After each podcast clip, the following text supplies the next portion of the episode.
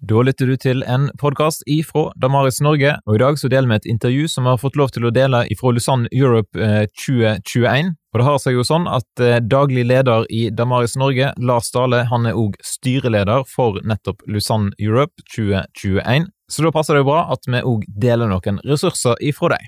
Håper da at du setter pris på denne episoden. Ønsker du å finne ut mer om Lusanne Europe, så går du til lusanneeurope.org. Her er dagens episode. Olof Edsinger, um, General Secretary of the Swedish Evangelical Alliance.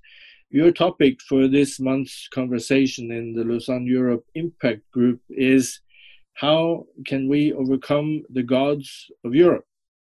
As we know, Europe has become probably the most secular continent in the world. So I didn't know there were any gods left in Europe. Uh, who or what are these gods? Uh, yeah, well, that is a, good question. Um, I think we, most of us, have a, a picture of, of, Europe as uh, quite a secularized uh, continent, and certainly where I live in Sweden, uh, we are, I think, the second most secularized country in the world. Uh, but still, looking at uh, what the Bible says about these things, it talks a lot about idols and and in different cultures and different times those idols may have slightly different character um, and look differently especially if you go way back you would have temples where people worshipped different idols. Uh, we certainly don't do that uh, in sweden um, or rather you could maybe say that our uh, stores have become the temples of, of today. We go shopping and, and definitely uh, money and consumerism is one of those major idols, I think, uh, in the world today, and not least here in Europe. Uh, and and also more generally speaking, I would say from a biblical point of view, there is no uh, middle ground, no neutral ground when it comes to these issues. So if you worship God, that is normally a an active statement to do so, but but also if you do not worship God, you worship other things, and there will be trends or ideologies or powers that uh, well they seek our time our commitment and and in a sense also our worship. Um, so i would say there are quite uh, a lot of um, different powers and trends and ideologies that, that fight for our hearts and and to me those are really also gods in this continent. Uh, could you say that uh, there is a, a, difference, or are they the same? Namely, the the ideologies, the ideologies that you talk about, uh, and something like uh, shopping. Uh, is there a difference there, uh, or or are they all the same in terms of uh, demanding our commitment? Well, the classic sort of triad when it comes to to um, temptations uh, would be money, sex, and power.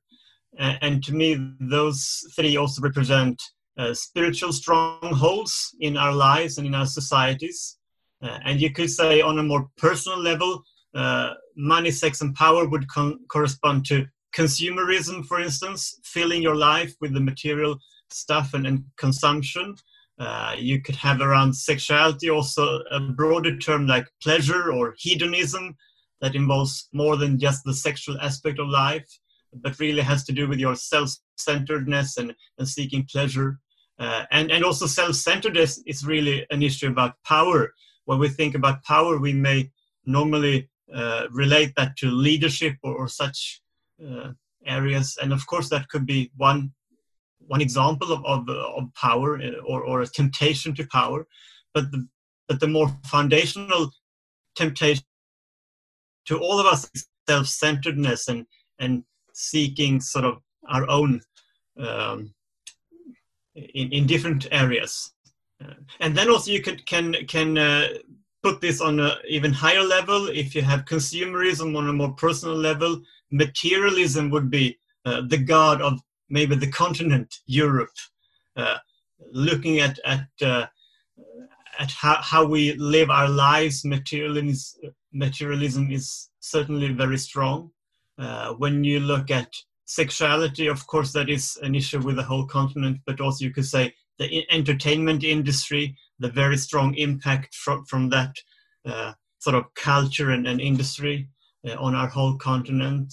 Um, on a personal level, you would have self-centeredness. For Europe, that would be maybe Eurocentrism, and that is also something that we try to challenge uh, at the Lausanne Europe uh, gathering and conversation around how we can um, well relate to the diaspora churches and, and the fact that also when it comes to missions uh, we have had quite a Eurocentric view of missions, but, but we really need to learn from our brothers and sisters uh, in other continents and also in our own continent, but from other parts of the world.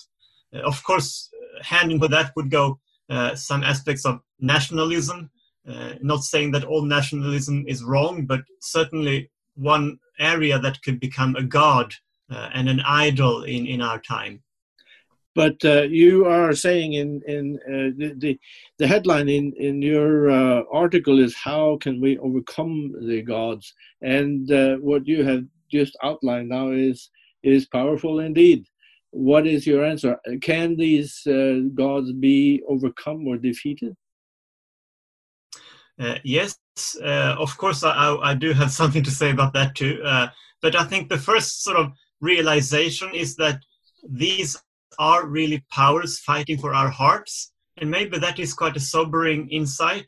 Uh, sometimes we relate to these phenomena only as uh, ethical issues or, or sort of phenomena in our in our world. Uh, but if we start looking at them also as gods competing for our worship, I think that uh, sort of um, uh, helps us to, to get, get a new strategy around this. And I think uh, when it comes to, to these areas, uh, I think intentionality is key.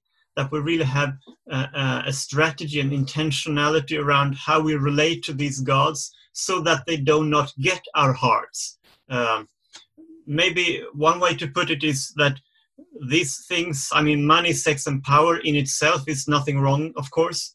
Uh, so they are good as um, servants, you could say, but they are lousy as uh, uh masters. Uh, and that is also, I think, a, a way to, to put this. we can make use of, of these phenomena. And of course, also, I need to go shopping, for instance. but that does not necessarily mean that I should be a shopaholic, which would be consumerism full, fully blown. So, so just have this uh, realization that these do fight for our hearts and create spiritual practices around them that help me uh, keep them only as servants, not as my masters. Uh, and to me, uh, money would be a, a, very good example of that.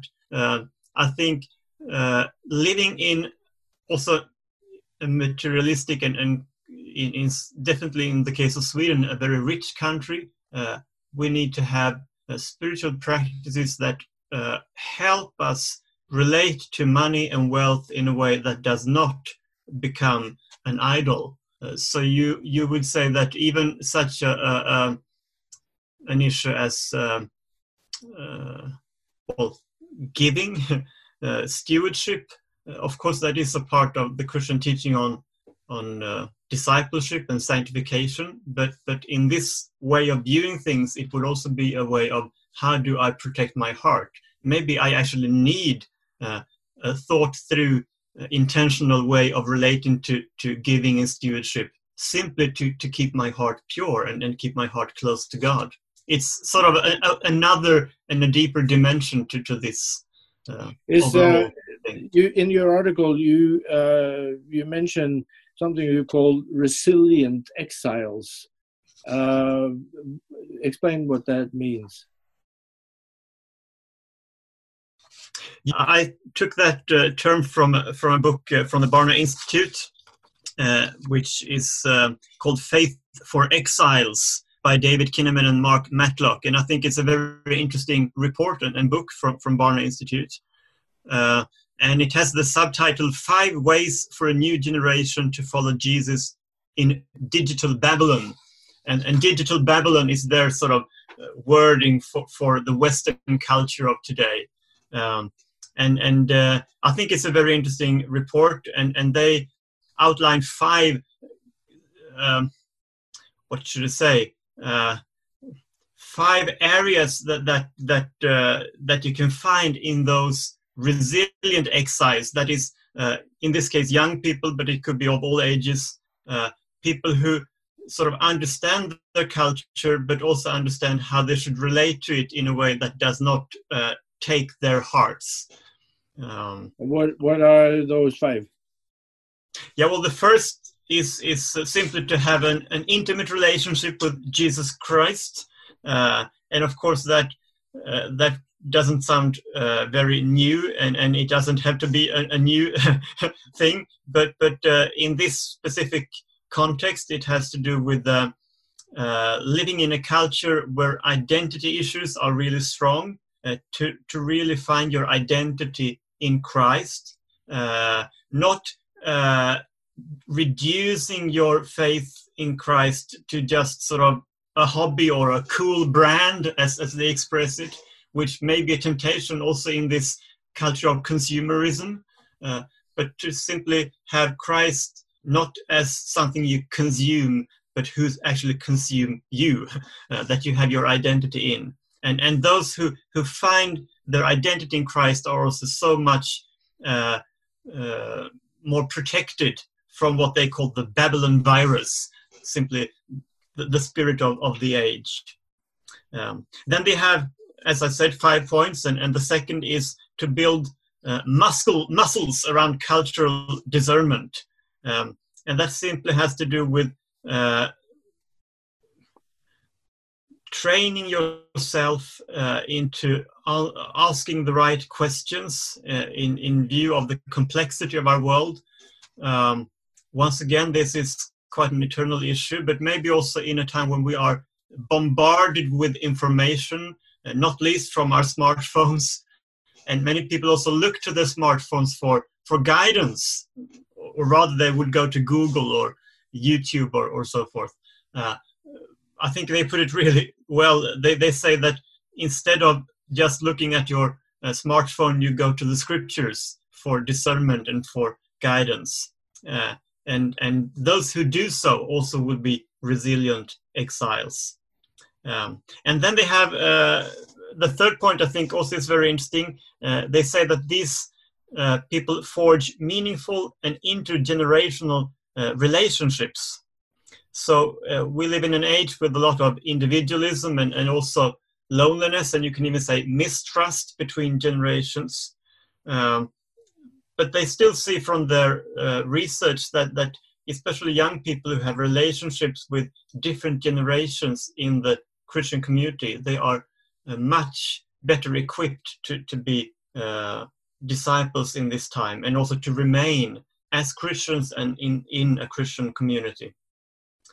Uh, and the last two points from, from Barna Institute are about um, uh, discipleship and, and calling they talk about vocational uh, discipleship, that is, uh, realizing that you can be uh, uh, a professing Christian in, in all areas of life, that there is no strong divide between sacred and secular, but, but rather that wherever you are, you are the church. It's not only on, on Sunday, but, but wherever you are. And also an intentionality about that, that you actually want to be a witness to Christ uh, in all areas. And that is also the, the fifth uh, point in Barna Institute, that, that also have a, a missional uh, focus uh, to see that uh, you, you are uh, an ambassador for, for God's kingdom in every area of life, um, and also a willingness to, because of that, challenge cultural norms. since you are a representative in another kingdom. No matter what arena you are, you have something to bring with you, you have a message, and you have also an intentionality about challenging the culture around you. So basically, through your course, you could, could explain that as simply not just go with the flow. Uh, but, but I think these points um, make, make really good sort of substance to, to what that means. And, and, as I said, they, they also have data uh, that they build on, seeing that simply young people with these five points in their lives are much more likely to, to remain uh, well faithful to Christ in in this time. Do you, uh, as a mission and church leader, see a lot of young people that fits this description? uh, well, uh, to be honest, it's not the majority uh, of young people, uh, but uh, but it's um, I think um, of those who actually remain and and thrive in this time and this cultural Babylon, I think definitely uh, we, we see um, uh, this kind of young generation evolving. Um, and I think many who are uh, influential leaders uh, in the church definitely belong to this category. Um, so I think, in a way, uh, these are hard times for for the gospel in Europe, uh, simply because we cannot go with the flow and remain faithful to Christ. There was a time when that was at least partly possible. Um, but I think uh, because of that, uh, because the need of intentionality and the need of, of really uh, have a strategy for how to, to be and thrive as a Christian, those who, who make that commitment, they can also go very far with the Lord and become both influential and, and important uh, in their uh, churches and, and where, wherever they are. Uh, so I think uh, these resilient exiles are in many ways the hope for the church because they will um, pave the way the way for many others. So although they are not that many, they have a strong influence and of course they have a strong God, and that is the most important part here. Would you say that uh, the 800 delegates to the gathering, uh, hopefully happening in Poland in October, and indeed also those people that are taking play taking part in the conversation. Uh, are they this kind of, of people? well, uh, I, I I would presume that that many are, in the sense that that uh, the desire to be part of this uh, gathering and, and, conversation is is also a, a kind of a signal of, of, wanting to take your discipleship seriously. Uh, but still, I, I, I would not take it for granted. I think that we all really need to to to use these points and and and this experience to sort of examine our, ourselves, both personally. Can I see this uh, in my life? These values and these priorities, and and of course the second step would be do i inspire the people around me in this direction and that i think is a very uh, important and, and, sobering questions question for all of us to, to ask